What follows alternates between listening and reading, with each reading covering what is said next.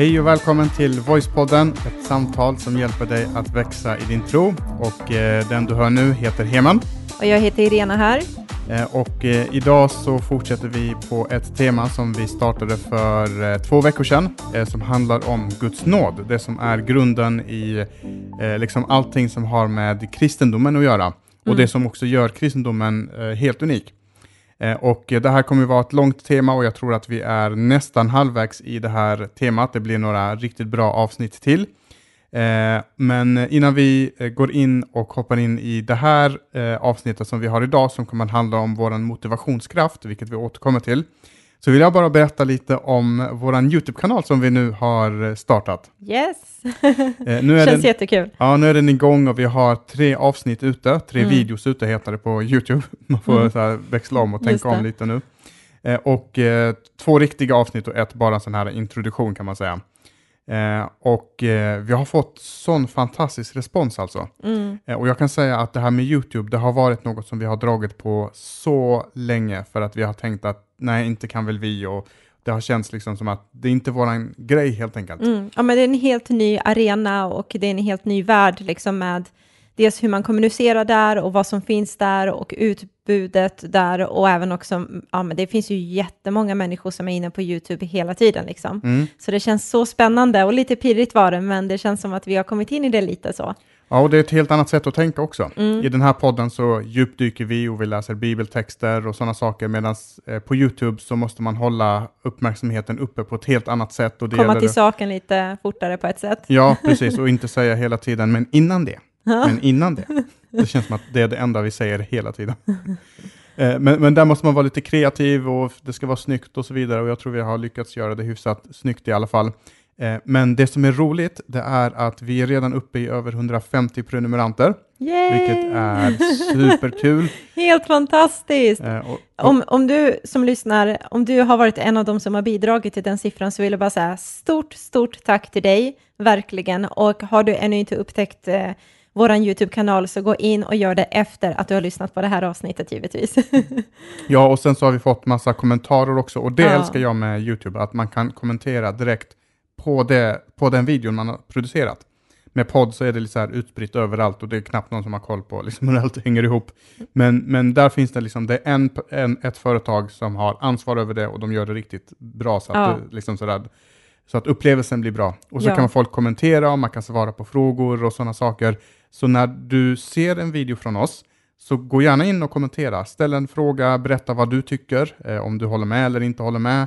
Eh, om det betyder någonting för dig, om du blir berörd av det vi säger, så skriv det också. Eh, för det hjälper andra också som, eh, som tittar på videon. Och det blir liksom, jag tror att det spelar roll också i liksom algoritmen som man kallar det. Mhm. Eh, alltså att om eh, de videos som har mycket kommentarer och likes och sådär, de syns oftare på något sätt. Mm. Jag har inte riktigt fördjupat mig i det där. Ja, men det, det kan man ju förstå. Man vill oftast highlighta det som är lite populärt och intressant. Mm. Eh, Men nu, eh, som sagt, spelade vi in vårt andra riktiga avsnitt. Eh, och det var en speciell upplevelse kan jag Mm. säga. Därför att ett, ett, YouTube-klipp eller en YouTube-video består ju av en massa olika videoklipp. Man liksom klipper i olika vinklar, olika miljöer och sådär. Och sen så sätter man ihop det. Eh, och vi var ute i skogen och skulle filma då det här. Eh, Mm. för det hade någon, någon liten koppling till skogen att göra, så vi tänkte att vi går ut. Och när vi kommer hem därifrån, eh, och grejen är, vi går inte bara till skogen och filmar, Nej. utan vi tar ett, en hel runda. Vi tar med oss hela familjen till och med. Ja, det är vår dotter. Hela- Ja. ja, men hon följer med. Hon Ja. är en riktig hjälte måste jag säga. Mm. Men hur som helst, och då går vi ju hela den här äh, vandringsrundan på, är det 2,5-3 kilometer Mm. och filmar liksom olika sektioner och sen så kommer vi hem och är jättetrötta i benen eh, därför att vi har, inte vi, har, vi har gått 2,5 kilometer men vi har gjort stopp hela tiden och för att filma och göra grejer. Mm. Så när vi kommer hem så är vi jättetrötta i benen och jag sätter mig och ska klippa ihop allt det här. Eh, och eh, så upptäcker vi att allting var bra förutom sista klippet som är typ det viktigaste klippet. För Ja. det är då du kommer till poängen och du gör någon riktigt, riktigt bra poäng. Ja. Eh, för det klippet hade, det, det fanns med men det hade inget ljud, så ljudet hade försvunnit och det tar jag på mig för jag tänkte nu ska jag stänga av micken för att spara batteri. Men jag kommer, jag kommer att komma ihåg att sätta på den igen till nästa klipp som vi ska spela in om några minuter. Ja. Och så gör vi ju inte det såklart. Nej, alltså den känslan. Ja. Så, så, Alltså ni, jag måste bara måla upp det ytterligare, för man var så trött. Alltså man hade gått där, fokuserat, dottern var med, du vet, och den här känslan som man hade när man klev innanför dörren bara yes, nu ska jag bara landa i soffan, det är min belöning efter den här långa promenaden liksom. Eh, och så bara upptäcker man det där. ja. Och jag vet ju, och jag vet ju direkt att det är mitt, mitt fel, jag förstår ju det direkt. Så Ja, det, är bara det att, det. det bara att sätta igång med ett försvarstal och eh, hoppas att vi glömmer bort det så snabbt som det bara, bara går. Nej, men, och det vi gjorde då, det var att vi samlade ändå kraft och samlade energi, för vi tänkte vi kan inte strunta i det här, för att de klippen var så himla bra och den videon blev så himla bra. Mm. Så då sa vi, men vi går ut igen och spelar in det här sista klippet. Eh, så vi packar alla grejer och så ska vi gå och spela in det här klippet, men det är inte bara att åka till inspelningsplatsen, för den, just det här klippet spelades in ganska djupt inne i skogen. Så Mm. då var vi tvungna att gå eh, typ nästan halva rundan igen. Andra hållet. An, andra hållet, vi tog bakvägen för det var lite kortare tror jag. Ja. Och så kommer vi fram dit, sätter upp alla grejer och eh, du sätter dig ner för att du ska börja prata och jag sätter igång kameran. Och så upptäcker vi att batteriet sitter fortfarande kvar i datorn. Eller inte batteriet, utan minneskortet. minneskortet, precis. Minneskortet sitter fortfarande kvar i datorn. Alltså den känslan igen. Och jag bara, det här är inte sant. Nej, men alltså man kan ju reagera på två olika sätt. Antingen kan man bli så galet arg och frustrerad och irriterad så att man börjar kliva in i en så här fight mode. Eller så känner man bara sig supertaggad och bara nej, alltså nu till vilka odds som helst, alltså vi ska bara fixa det här. Mm. Jag, jag bryr mig inte vad som kommer emot mig, nu, nu kör vi liksom. Ja, och det här var sent på eftermiddagen också, så det var Ja. inte bara, man, det var liksom inte bara sina känslor man skulle eh, kämpa mot, Nej. utan nu var det solnedgången man skulle kämpa mot, för att när som helst så skulle solen gå ner och då var det för sent den dagen. Mm. Eh, och vi ha, hade inte möjlighet att köra dagen efter. Eh, Utan Nej, men plus att vi vill att det ska vara autentiskt och liksom så här på riktigt och ja, även sån här äh, jättelarvig grej. Men jag bara, men alltså min frilla, man kommer lägga märke till att det är dagen efter. Oh my god. Okej. Ja, Ja, ja, hur som Det är helst. svårt att rekonstruera liksom direkt. Det är svårt att rekonstruera en frilla. Ja. Mm. Hur som helst, så vi bestämmer oss för att nej, vi ska få till det här. Mm. Så då traskar vi oss tillbaka hela vägen, Mm. eh, några, liksom någon kilometer, och eh, åker hem, hämtar grejerna och sen först så får vi någon idé om att vi ska testa på parkeringsplatsen, där vi är med eh, liksom, träd i bakgrunden, tänkte vi lura folk att det här är skogen. eh, och det funkar inte för att folk går ut och in från våran trappuppgång och pratar Ja. jättehögt. Grannarna kommer ut och jag bara, ja, och det handlar om att Gud, han... Alltså jag, var mest, jag, jag tänkte mest på att de stödde oss, inte att vi stödde dem. Men hur som helst. Så vi, nej, men vi sätter oss i bilen och då, så åker vi dit igen. Så Mm. vi åker dit, men vi väljer en annan plats, för vi var så trötta i benen. Alltså, så, Mm. jag var helt utmattad i benen. En Eh. plats som var väldigt snygg som vi var på lite innan också. Mm, det Mm. blev faktiskt lite bättre. Mm. Så vi hittar den här nya platsen. Den här nya platsen är på en liten, jätteliten strand. Och eh, när vi kommer dit, sätter upp alla grejer, du sätter dig ner, du ska tala. Just då, en helt tom skog, det finns inte en kotte, vi har inte sett en kotte på flera timmar. Just då så kommer det fram två tjejer med en mobiltelefon och bestämmer Ja. sig för, här vill vi fota och här tänker vi stå och prata. Superlänge hade de bestämt sig för att stå och prata där och man försöker titta så här och bara visa lite så här, kolla på kameran, titta på dem, titta runt, du vet, försöka visa så här, det är någonting som pågår här. Men nej, de, eh, de sket i det fullständigt. Så vi tar våra grejer, går in i skogen igen för att filma på en ny plats. Och när vi precis ska sätta upp alla grejer så ser vi dem komma ut från stranden då. Samma väg som vi har gått och då tänkte vi okej men då går vi tillbaka. Mm. Så vi går tillbaka, sätter upp våra grejer igen och samma sak händer fast nu var det en man med hans hund men som tur var så går han bara förbi jättefort. Mm. Eh, Så vi behöver bara vänta några minuter på att han ska gå förbi. Och sen sätter vi upp alla grejer och till slut så trycker vi på rec och vi spelar in och du är inne på typ 65%, 70% av ditt klipp. Du har pratat typ i tre minuter. Mm. Eh, och just då så bestämmer sig typ 100 ankor för att nu ska vi ropa så högt vi bara kan och flyga alla på en Alltså enda det var gång. helt galet, vi har aldrig varit med om något liknande. Alltså det var verkligen så här, ja, alltså det var så högt. Eh, och det var massvis, de bara dök upp från ingenstans. Mm. Och vi bara, det här är inte sant. Det är någon som inte vill att vi ska spela in det här Ja, klippet. det var helt otroligt. Mm. Och då vart ju vi bara ännu mer liksom, bara, nu ska vi bara fixa det här Mm. alltså. Och det tog typ, alltså de höll på ganska länge. Ja. Så vi satt där och väntade i tio minuter och hoppades att de skulle sluta innan solen hade gått ner. Och till slut så slutade de och till slut så fick vi till vårat efterlängtade klipp. Så vi spelar in den och sen går vi hem och njuter. Fast du kan njuta, inte jag, för nu ska jag klippa alltihopa också.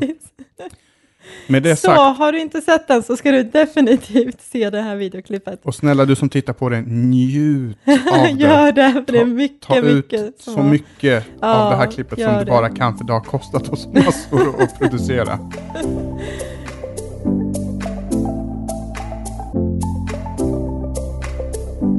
Det var en lång inledning på det här avsnittet. Jag hoppas att du känner att det är okej, men nu ska vi hoppa rakt in i eh, dagens eh, tema, eller ta, dagens eh, eh, ämne som vi ska prata om. Temat är ju Guds nåd och eh, titeln på det här avsnittet är Vår starkaste motivationskraft. Eh, därför att eh, nästan alla religioner kan man säga har någon slags filosofi kring det här med synd och, och liksom att vara en god människa och, och så vidare. Jesus var ju först med det här att säga gör, eh, gör eh, mot din nästa som du vill att din nästa ska göra mot dig själv. Men, men den här gyllene regeln, men alla har någonting liknande, liksom, att man ska göra goda gärningar och så vidare. Men ingen har det och uttrycker på det här sättet som den kristna tron gör. Ingen har konceptet Guds nåd som den kristna tron gör, det vill säga att det är en gratis gåva som vi bara får ta emot. Eh, och då är det ju en del, och det här kommer vi prata om i nästa avsnitt, och djupdyka lite mer om det här med, betyder det då att man får synda hur mycket man vill?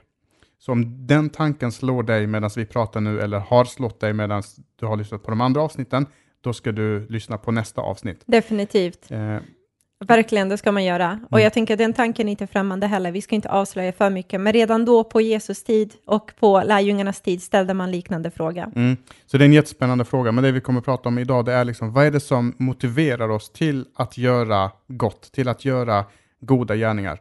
För grejen är att Guds nåd, det är inte en licens för att kunna synda mer, utan det är Guds kraft, Guds motivationskraft för att hjälpa oss att leva det där livet som vi längtar efter och som står beskrivet i Bibeln eh, också. Eh, Precis. som alla människor bär inom sig. Liksom, alla vet hur en god människa ser ut, att göra gott liksom, och, och så vidare. Och Guds nåd är våran starkaste, allra starkaste motivationskraft för att göra goda gärningar. Och i det här avsnittet kommer vi prata om varför det är på det sättet eh, och hur vi kan liksom ta till oss det. Men jag tänker just det här med motivation som du säger, att Guds nåd är det som är vår motivationskraft. Jag tänker att vi alla människor är ju motiverade av någonting. Alltså vi alla har någon slags drivkraft. Frågan är vad är det som är din drivkraft? Vad är det som är din motivationskraft i livet? Vad är det för grund som du och jag står på som är liksom våran bas som vi utgår ifrån för att göra det vi är motiverade kring att göra? Mm, och exempel på sådana drivkrafter kan vara eh, vårt utseende. Mm. Eh, vi kan till exempel vara motiverade att gå till gymmet för att vi vill se bättre ut. Det i sin tur kan vara motiverat av att vi vill ha bekräftelse. Mm. Eh, det kan vara att min papp, jag vill göra mina föräldrar stolta. Det kan vara en drivkraft eh, att inte vara ensam eller in, liksom, det finns hur mycket motivationskrafter som helst. Men jag tror att Guds nåd att veta att jag är älskad sådan som jag är, att det är den bästa drivkraften någonsin. För skillnaden mellan den här drivkraften och andra drivkrafter är att alla andra drivkrafter dränerar oss på energi och tröttar ut oss och vi måste hålla uppe det här genom att kämpa eh, och, och liksom slåss för det här. Precis. Medan Guds nåd är på ett helt annat sätt. Den dränerar inte oss, utan den fyller oss med energi, fyller oss med glädje, positivitet, eh, framåtanda. Och därför, utifrån det, så börjar vi göra de här eh, goda gärningarna, eller vad, vad man nu gör här i livet. Ja, absolut. Eh, och vi tänkte titta på det här genom att eh, titta på en story i Bibeln som handlar om en kvinna eh, som eh, var med om något väldigt, väldigt speciellt. Och vi ska titta lite på vad det var som motiverade henne att göra det som hon gjorde. Mm. Den här kvinnan, alltså hon är amazing tycker jag och jag hoppas att jag en dag kanske får möjlighet att dricka en kopp kaffe med henne och bara fråga lite så här, vad var det som gjorde att du faktiskt vågade? Lite får man en nyans av vad var det som gjorde att hon vågade göra det hon gjorde som vi ska läsa om strax här, men I Lukas evangeliet i kapitel 7 och vers 36 och framåt så kan man läsa ett långt stycke om just den här kvinnan som var så motiverad eh, och hon vågade liksom eh, kliva in i ett rum där hon vågade riska ganska mycket. Eh, och då står det så här från vers 36 att en av fariseerna bjöd hem Jesus på en måltid, så han gick dit och slog sig ner för att äta. Och i staden så fanns en kvinna som var en synderska. Och hon fick höra att han var där i farisens hus och åt. Hon gick då dit med en alabasterflaska väldoftande olja. Hon ställde sig bakom Jesus vid hans fötter och grät tills hans fötter var våta av hennes tårar. Sedan torkade hon hans fötter med sitt hår och kysste dem och smorde dem med olja.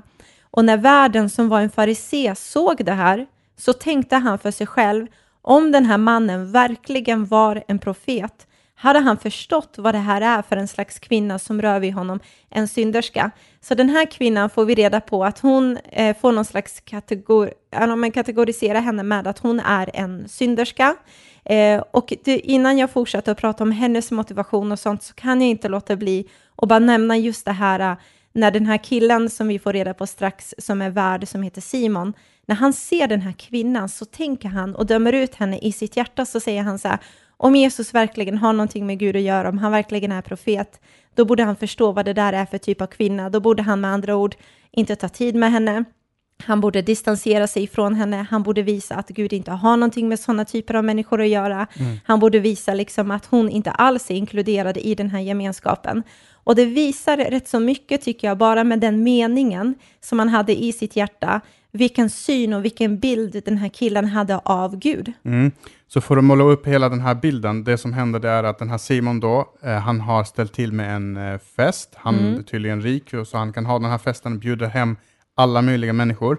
Och när han bjuder hem alla dessa människor så passar han också på, framför allt, och det kanske är målet med hela den här festen, att bjuda dit Jesus också. Mm. För Jesus hade eh, skaffat sig ett rykte eh, om att, liksom, ett rykte som spred sig, det var tusentals människor som följde honom. En del kan tänka ibland om Jesus, det var, att det var liksom någon sån här liten hippie människa så hade han typ så här tio personer som följde honom bara ja vi tror på dig Jesus, om ingen annan så tror vi i alla fall. Ja, Men grejen är att han hade verkligen så här rock, rockstjärnestatus, ja. massvis med människor följde honom och det ville såklart eh, Simon dra nytta av så han bjuder hem Jesus, ställer till med den här festen och mitt i den här festen då så kommer den här kvinnan eh, och kraschar alltihopa. Mm. Hon är liksom o, eh, oinbjuden till den här festen hon passar inte in, hon lever på ett helt annat sätt och så förstör hon festen. Och då blir ju frågan, vad var det som gjorde, vad var det som drev henne till den här festen? Vad var det som gjorde att hon vågade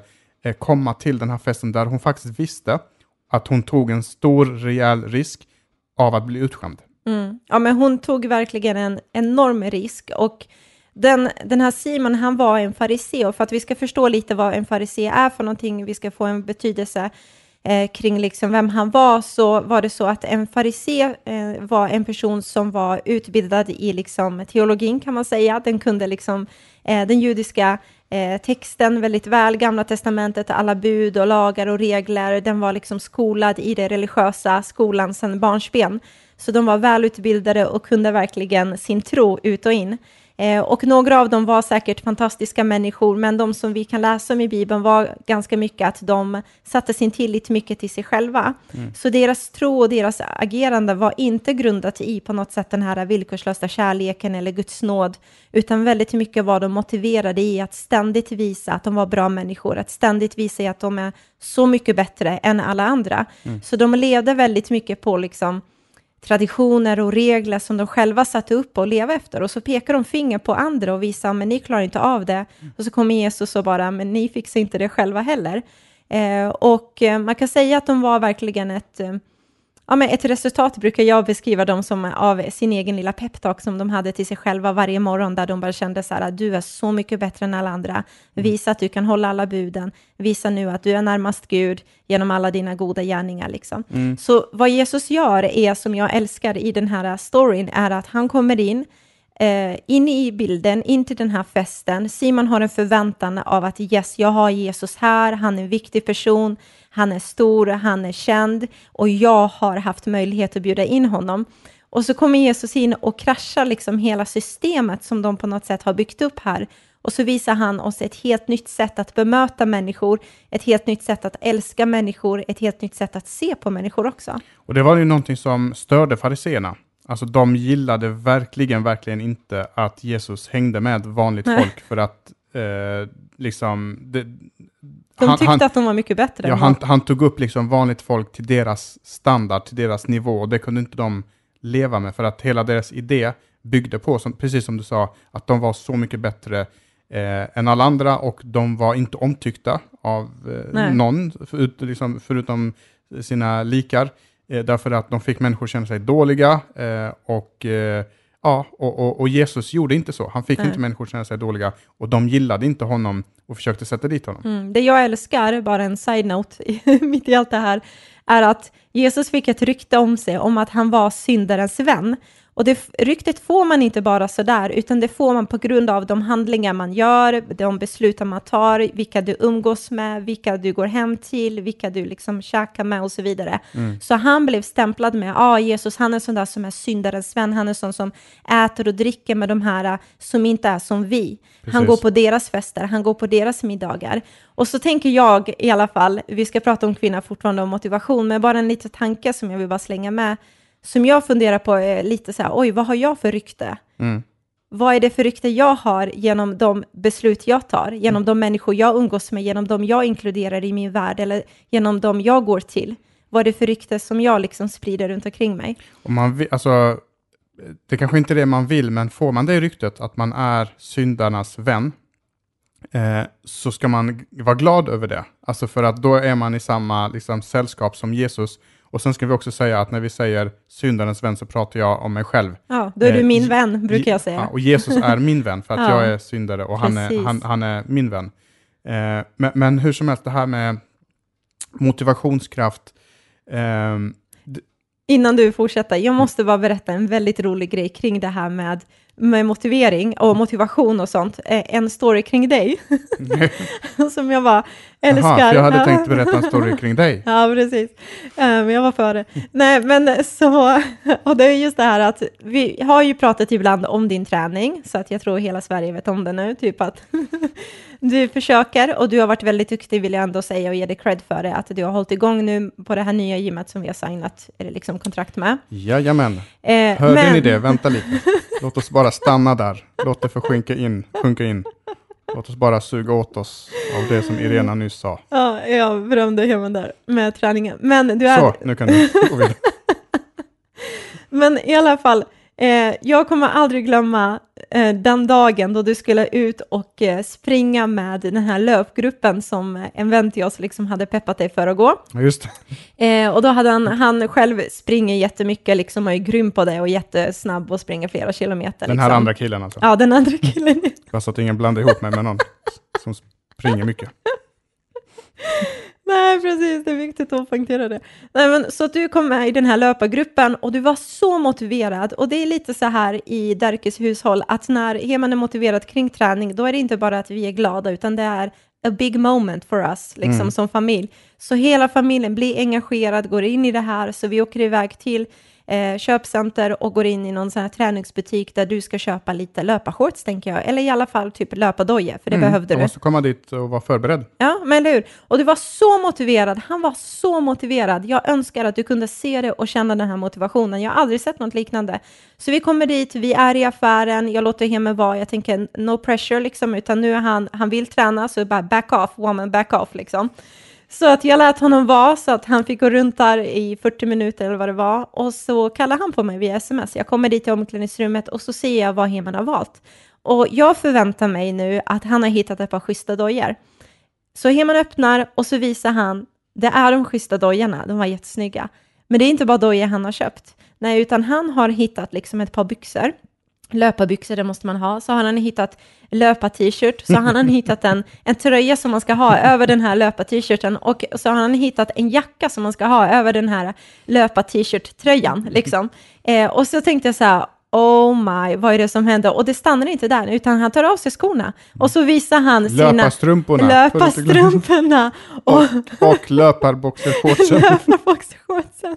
Alltså det enda som fattades var ju liksom, jag vet inte, någon pannband med en sån här lampa så att du kan springa i skogen. Typ. Det var det sista som behövdes. Och jag bara, han är så motiverad, jag kommer aldrig glömma det. Alltså, jag tror inte det här bara handlar om mig eller bara vi liksom, vårt hus. Jag, jag tror att det är så här, medelålders män överhuvudtaget.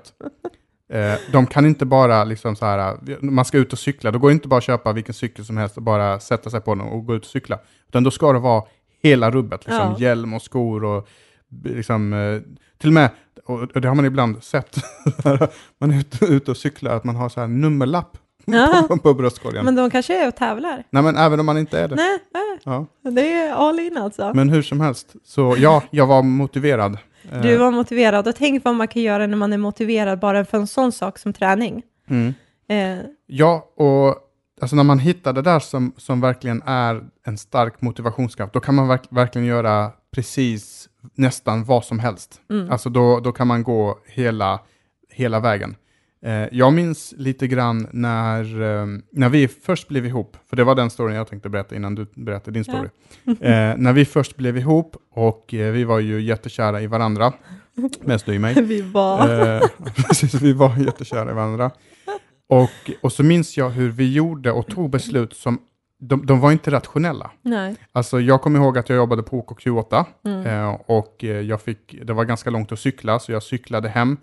Och, eh, fyra kilometer faktiskt. Ja, fyra, om jag slutade typ klockan tio så kom jag hem klockan tio och så var vi uppe typ till klockan tre och sen skulle man upp och jobba igen på, på morgonen. Mm. Och för dig var det ännu värre. Ja, för mig var det värre. Jag jobbade ju som lastare på Arlanda, det skulle man inte tro, men det gjorde jag.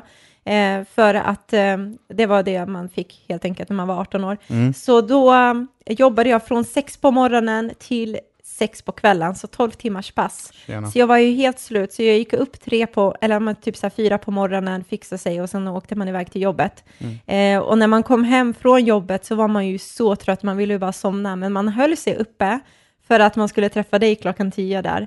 Så det var helt galet under några veckors tid då vi liksom höll på så här. Och mm. jag tror att vi, om man hade frågat oss bara varför gör ni det, varför liksom sliter ni på er själva eller varför plågar ni er själva, så tror jag inte att vi hade någon svar. Jag tror vi bara var så drivna av en kärlek till varandra, mm. att vi nej, fick energi inte... utifrån det. Liksom. Ja, det var inte liksom så här, nej, alltså vi har funderat på det här mycket och länge och vi har kommit fram till att Vi har kalkylerat vår ja, sömnbrist. Ja, och det är det här vi tänker lägga på det här, utan det var just att man var så driven av den här kärleken, mm. nyfunna kärleken, så man gjorde vad som helst och man tänkte inte på konsekvenserna eller vad som kunde mm. eh, ske. Ja. Eh, och, och, och det får man att tänka, tänk vad en människa kan göra som är driven av kärlek. Alltså, Verkligen. Alltså tänk vad man kan åstadkomma eh, när, när, när, det är, när det är en kärlek som driver en och inte bara eh, bekräftelse eller pengar eller vad det nu kan vara. Mm. Och den kärleken tänker jag är den starkaste motivationskraften. Alltså vissa kan ha hat och hämnd och jag ska minsann bevisa som en drivkraft och tro att det är starkt i sig, men jag tror alltid att kärleken är det som håller i längden och det som är verkligen den djupaste motivationskraften som vi kan ha i våra liv. Mm. Och den här eh, personen Paulus som vi ofta pratar om som eh, eh är en av de här personerna som förföljde kristna eh, och dödade kristna, som man kan tänka sig, jag brukar kalla, likna honom vid bin Laden. Mm. Och, och så blev han, eh, mötte han Jesus och så blev hans liv förvandlad och han blev omvänd. Och så skriver han de här orden i eh, Andra Korinthierbrevet. Han skriver ett brev som heter Andra Korinthierbrevet i kapitel 5 och vers 14. I Nya Testamentet. I Nya Testamentet så säger han så här att kärleken från Kristus driver oss. Mm. Alltså det, min drivkraft är kärleken från Kristus. Och så förklarar han vad det är för någonting. Vi är övertygade om att en har dött för alla och då har alla dött, det vill säga vi dör och sen så uppstår vi med Jesus till ett nytt liv.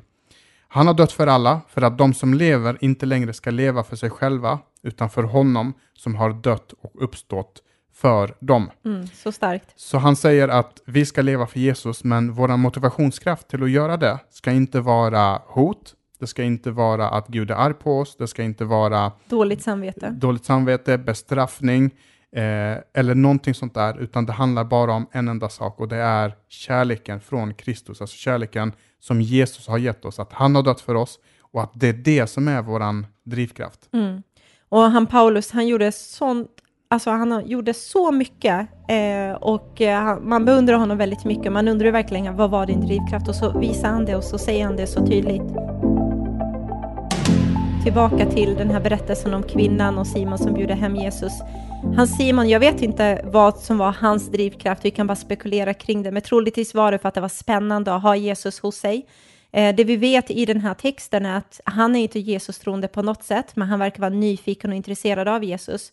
Och lite som du sa i början där, att när Jesus verkade och var på jorden, alltså det var, folk var så intresserade. Det var massvis, massvis av människor som följde efter honom eh, och ville liksom ta del av det han hade att säga, ville vara runt omkring honom. Och kanske var det så att liksom på grund av, om vi ska ta det i vår samtid, att Jesus hade någon slags rockstjärnestatus eller var en big influencer, så såg Simon liksom, ja men jag kan få en uppgradering i, i, ja, men i hur folk ser på mig och genom att bara hänga med Jesus. Att om jag tar en Instagram-bild och lägger upp det, så kanske jag lever upp till lite så här, ja men jag hänger med de här, mm. liksom du vet Eagles, liksom, mm. eller vad man säger, de stora stjärnorna. Eh, och det jag älskar liksom, med den här berättelsen är att även, eller den, den här händelsen är att är, även om Jesus var syndarens vän och han var känd för det så avvisade han aldrig de religiösa, alltså han kom hem ändå till Simon. Mm. Eh, det var inte så att han bara tackade nej direkt utan han kom in och käkade med honom också. Han gav även till dem möjlighet att förstå hur Gud verkligen är, även om han ibland liksom tillrättavisar vissa av dem. Så vad som händer i alla fall i den här händelsen är att den här kvinnan som jag beundrar, hon kommer hem till Simon. Från ingenstans så dyker hon upp och hon har det här ryktet om sig att hon är en synderska. Så hon gråter där, det är lite dramatiskt, en väldigt obekväm situation. Eh, och alla vet vem hon är. Eh, och Simon får ju panik, kan tänka mig, bara she's destroying everything. Alltså mm. verkligen kraschar hans fest. Och Jesus bara låter det där ske. Och så får vi reda på att Simon tänker ont i sitt hjärta när han ser henne. Han tycker inte riktigt att hon passar in, han tycker inte att hon hör hemma där. Han tycker att om Jesus har med Gud att göra, då borde han inte liksom ta tid med henne. Men det han inte förstod var att det var egentligen ingen större skillnad mellan honom och kvinnan. Eh, utifrån eh, det perspektivet att vi alla människor sitter i en och samma båt. Just det. Eh, och så när Jesus märker att Simon tänker ont om kvinnan i sitt hjärta så ger han honom en liknelse, så jag tänkte vi skulle läsa den. Mm. Eh, och den kan vi läsa i eh, Lukas evangeliet kapitel 7 och vers 40-50. Då står det så här. Jesus sa till honom, Simon, jag har något att säga dig. Och Simon svarar, säg det mästare. En man lånade ut pengar till två personer. 500 denarer till den ena och 50 till den andra, men ingen av dem kunde betala tillbaka, så han avskrev skulden. Vem av dem älskar honom mest? Jag antar att det var den som var skyldig honom mest, svarar Simon. Ja, det är riktigt, sa Jesus. Sen vände han sig mot kvinnan eh, och så sa, eh, nej, sen vände sig Jesus mot kvinnan och sa till Simon, ser du den här kvinnan? När jag kom in i ditt hus gav du mig inget vatten så jag kunde tvätta mina fötter, hon har tvättat mina fötter med sina tårar och torkat dem med sitt hår. Du gav mig ingen hälsningskyss när jag kom, men hon har kysst mina fötter utan uppehåll ända sedan jag kom hit. Du smorde inte mitt huvud med olja, men hon har smort mina fötter med sin väldoftande olja. Därför så säger jag dig att hennes många synder är förlåtna, vilket hennes stora kärleksfullhet visar. Men den som har fått litet förlåtet visar lite kärlek finns en annan översättning som säger det ännu tydligare så att jag i alla fall fattar mm. när jag läser. Och då står det så här, alla hennes synder är förlåtna och de är många, därför visar hon så stor kärlek. Den som har fått litet förlåtet visar lite kärlek. Och så säger han till kvinnan, dina synder är förlåtna. Och då sa de övriga vid bordet till varandra, vem är han som till och med förlåter synder? Med andra ord, vem tror han att han är? Eh, och Jesus säger till kvinnan, din tro har räddat dig, gå nu i frid. Mm. Eh, och vi ska stanna till här vid den här lilla versen som jag tycker ibland kan misstolkas när man läser den här händelsen. Ja, det här med förlåtelsen, vad Jesus säger att eh, den som har mycket, eh, eh, den som får mycket förlåtet älskar mycket, men den som får lite förlåtet älskar lite. Och då kan man ju lätt få det här intrycket av att vissa människor har fått mycket förlåtet och vissa människor har fått mycket förlåtet. Mm. Men grejen är att det är inte det det här handlar om, utan eh, vi, hade, vi hade en gästtalare vid ett tillfälle och då sa hon någonting som verkligen har fastnat hos mig. Så sa hon så här att att vara kristen handlar först och främst om att vara en sann människa. Mm. Det vill säga att inse vem man egentligen är. Precis. Så här handlar det inte om, om, eh, om att någon får mycket eller lite förlåtet, utan det handlar om hu- hur mycket jag har insett att jag behöver förlåtelse. Så inser jag att jag har, behöver mycket förlåtelse, då, får jag mycket, då, då tar jag emot mycket förlåtelse. Mm. Men tänker jag att nej, det här är inget jag behöver, utan jag klarar mig ganska bra ändå, då kommer jag inte få så mycket förlåtet, för att jag vill inte ha något förlåtet överhuvudtaget. Exakt, ja men precis så är det. För Jesus menar inte att vissa har blivit mer förlåtna än andra, som man gärna kanske vill läsa in och bara, åh jag visste det, du älskar Gud lite, för du, han har minsann förlåtit dig lite. Det är verkligen inte så, utan precis så som du beskriver det så bra Hemane, det är lite mer det här att om du tror att du är ganska okej i dig själv, du har inte behov av att få förlåtelse, nej men då har du fått lite förlåtet för att du inser inte ditt behov av att oj vad mycket jag behöver Guds kärlek, oj vad mycket jag behöver förlåtelse liksom. Precis, så Jesus har aldrig förlåtit någon mycket eller lite, utan Nej. han har alltid förlåtit alla till 110 procent. För när han hängde på korset så sa han det är fullbordat. Mm. Eh, men jag skulle bara vilja stanna upp vid den här, eh, där, hon, eh, där hon, det står att hon, eh, hon slösade bort en parfymflaska, en väldoftande oljeflaska. Och vi vet inte så mycket som sagt om den här kvinnan. Men vi vet att hon är en synderska, en del tror att hon är en prostituerad. Mm. Eh, Och en parfymflaska på den tiden var något extremt dyrt. Mm. Alltså det var som att lägga sina pengar i guld eller i aktier eller något sånt där. Du köpte det, eh, inte för att bara använda det, utan bara för att, som ett, som ett slags sparande som du kunde sälja sen. Mm. Och hon tar den flaskan, går in i den här festen och slösar bort hela sitt sparande på Jesus fötter. Inte ens på hans kind eller liksom någonstans där det faktiskt kommer göra någon nytta, utan hon häller ut den på Jesus fötter. Och det är just det som är den här stora frågan i den här berättelsen. Vad är hennes drivkraft? För det första, för att komma dit och riskera att skämma ut sig, eh, skämma ut sig själv. Och för det andra, att ge något av det bästa hon hade eh, till någon som, som Jesus. Mm.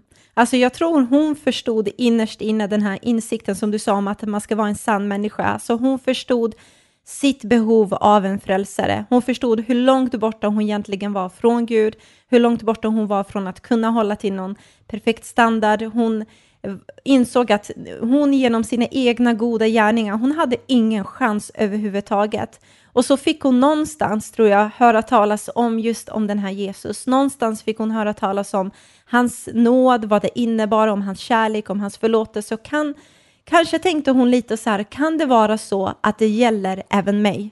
Kan det vara så att den här kärleken är någonting som också inkluderar mig? Kan det vara så att även jag är välkommen? Och jag tror, eh, i min bild i alla fall, kring den här händelsen så har jag det lite så här filmsekvenser.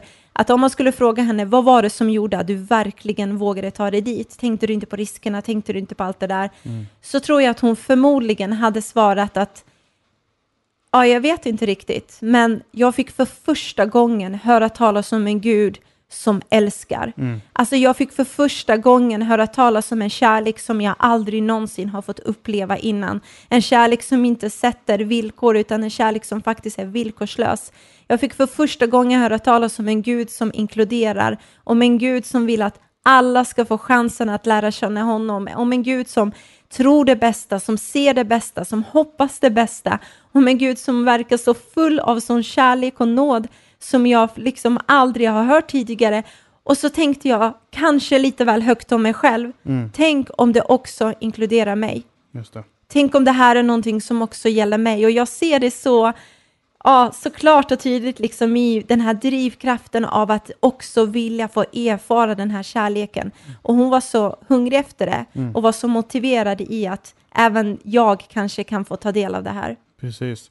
Och det är ju verkligen så att hur du och jag gensvarar till Jesus är verkligen baserat på hur mycket vi har förstått hur mycket som han älskar oss och att vi faktiskt har blivit förlåtna helt och hållet. Och jag tror Ja. att det var det den här kvinnan insåg. Hon såg någonting annat med Jesus och det är därför det här budskapet med Guds nåd är så otroligt viktigt och det skiljer kristendomen från allting annat för att det handlar inte om bestraffning, det handlar inte om hot.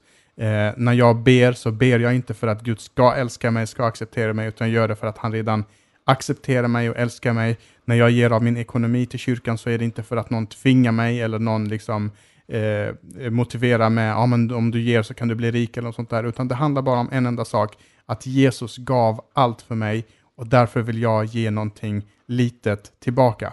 Alltså Mm. precis som Paulus säger att det är kärleken som driver oss, det är Guds kärlek som driver oss. Och den här drivkraften att göra gott, den här drivkraften att ge av sig själv, det är en drivkraft som inte tröttar ut oss och som inte liksom eh, gör oss törstiga på något sätt, utan, utan den släcker törsten och den ger energi snarare än tar energi, till skillnad, från alla andra drivkrafter som finns här i världen. Mm, så bra sagt. Och jag tänker också att det är det som behöver vara basen i våra liv, även om det handlar inte bara om hur mycket du är driven inom kyrkans kontext, vad du gör för Gud inom kyrkan, utan generellt i livet. Är du motiverad för att liksom bli advokat, jurist eller skådespelare eller vad du nu än kan vara för någonting, låt den här Guds nåd och kärlek, låt det vara det som är din motivation i allt vad du gör. Låt det spegla i dina beslut, i hur du ser på människor, i, i val du tar. Låt det ligga som en grund i ditt liv. Liksom. Eh, och Paulus, jag tycker vi avslutar med hans grej, för han arbetade hårdare än någon annan. Han förstod verkligen det här begreppet och förståelsen av vad Guds nåd är för något och han låg inte på latsidan utan han gjorde enorma saker. Eh, och vi avrundar det hela med att läsa här i första Korinthierbrevet så säger han så här i kapitel 15 och vers 9 till 10. Den här insikten som vi pratar om sig själv, så säger han så här. Jag är ju den minst betydande av alla apostlar och borde egentligen inte få kallas apostel alls, eftersom jag tidigare förföljde Guds församling. Men han stannar inte bara vad han inte förtjänar, utan han vet också något annat. Så säger han, men på grund av Guds nåd är jag nu vad jag är. Och den nåd han visade mig har inte varit förgäves. Jag har arbetat hårdare än någon annan apostel, fast inte i egen kraft, utan tack vare Guds nåd som har varit med mig. Och än en gång en annan översättning som säger så här, men vad jag, nu, vad jag nu är så är jag det därför att Gud slösade en sådan förlåtelse och nåd på mig och det inte utan resultat. Yes, vi kommer att prata lite mer om det här bibelversen i nästa avsnitt då vi går in och pratar lite mer kring det här, den här frågeställningen. Kan man synda hur mycket som helst nu när Gud förlåter och ger dig så mycket kärlek och Guds nåd och allt det? Och svaret är givetvis nej, men vi ska förklara mer varför och, och varför inte eh, och eh, mycket annat kring det.